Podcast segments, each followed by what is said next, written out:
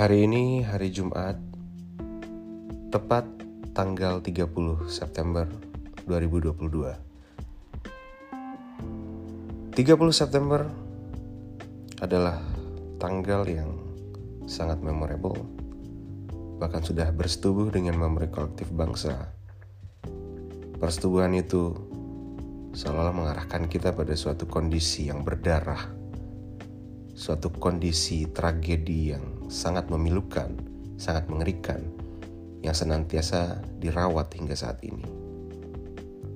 Merawat memori tersebut memang satu hal yang sedikit unik, karena bagaimana tidak kejadian yang sudah berlalu sekitar puluhan tahun yang lalu itu tetap dirawat sebagai suatu upaya untuk menjaga kengerian, menjaga kebencian, alih-alih ingin menghindari bangsa Indonesia dari suatu ideologi yang dianggap berbahaya.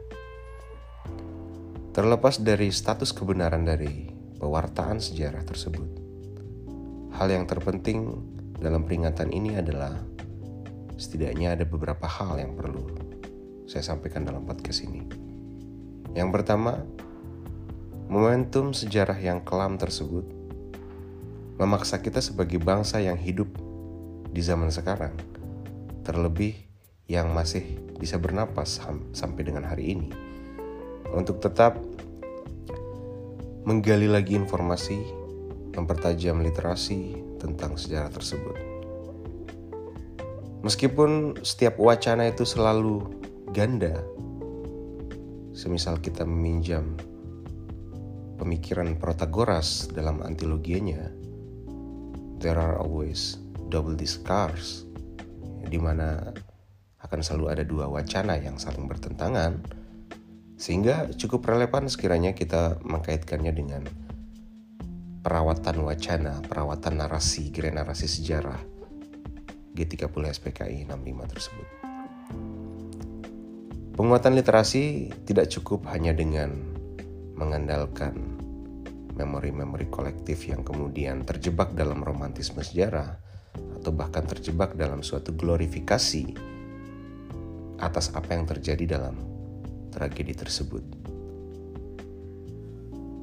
Yang kedua,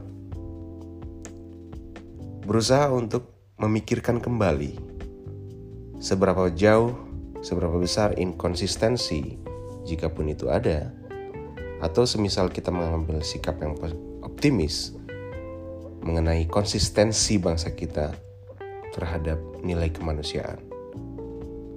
Sekiranya banyak sekali ya, korban dalam tragedi tersebut, terlepas dari salah atau tidaknya Partai Komunis, namun lagi-lagi yang dirugikan adalah rakyat sipil.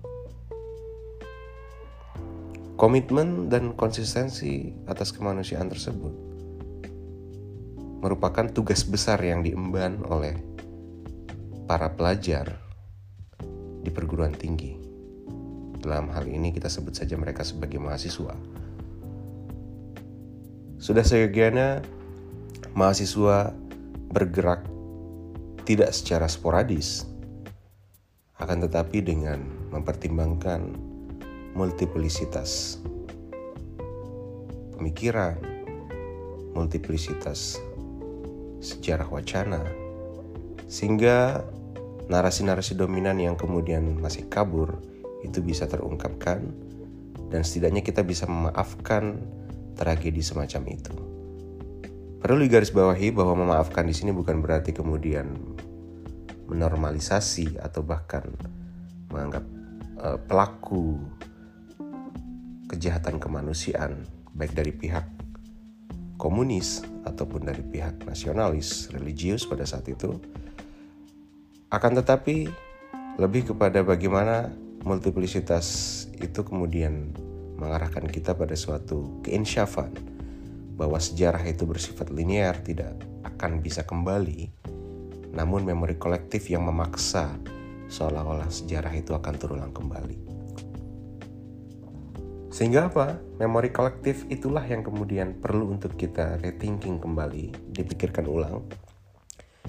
apakah masih layak kita mempertahankan hantu-hantu komunis itu atau kita akan lebih cenderung untuk merekonstruksi ya meredefinisi ya tentang wacana-wacana itu sehingga masyarakat Indonesia atau bangsa Indonesia bisa berjalan menatap ke depan tanpa harus terjebak dalam suatu romantisme sejarah, suatu kubangan glorifikasi yang tanpa makna ke arah yang lebih dalam bahasa motivator-motivator mungkin disebut sebagai ke, ke dalam arah yang lebih maju, lebih futuristik, dan tidak ahistoris.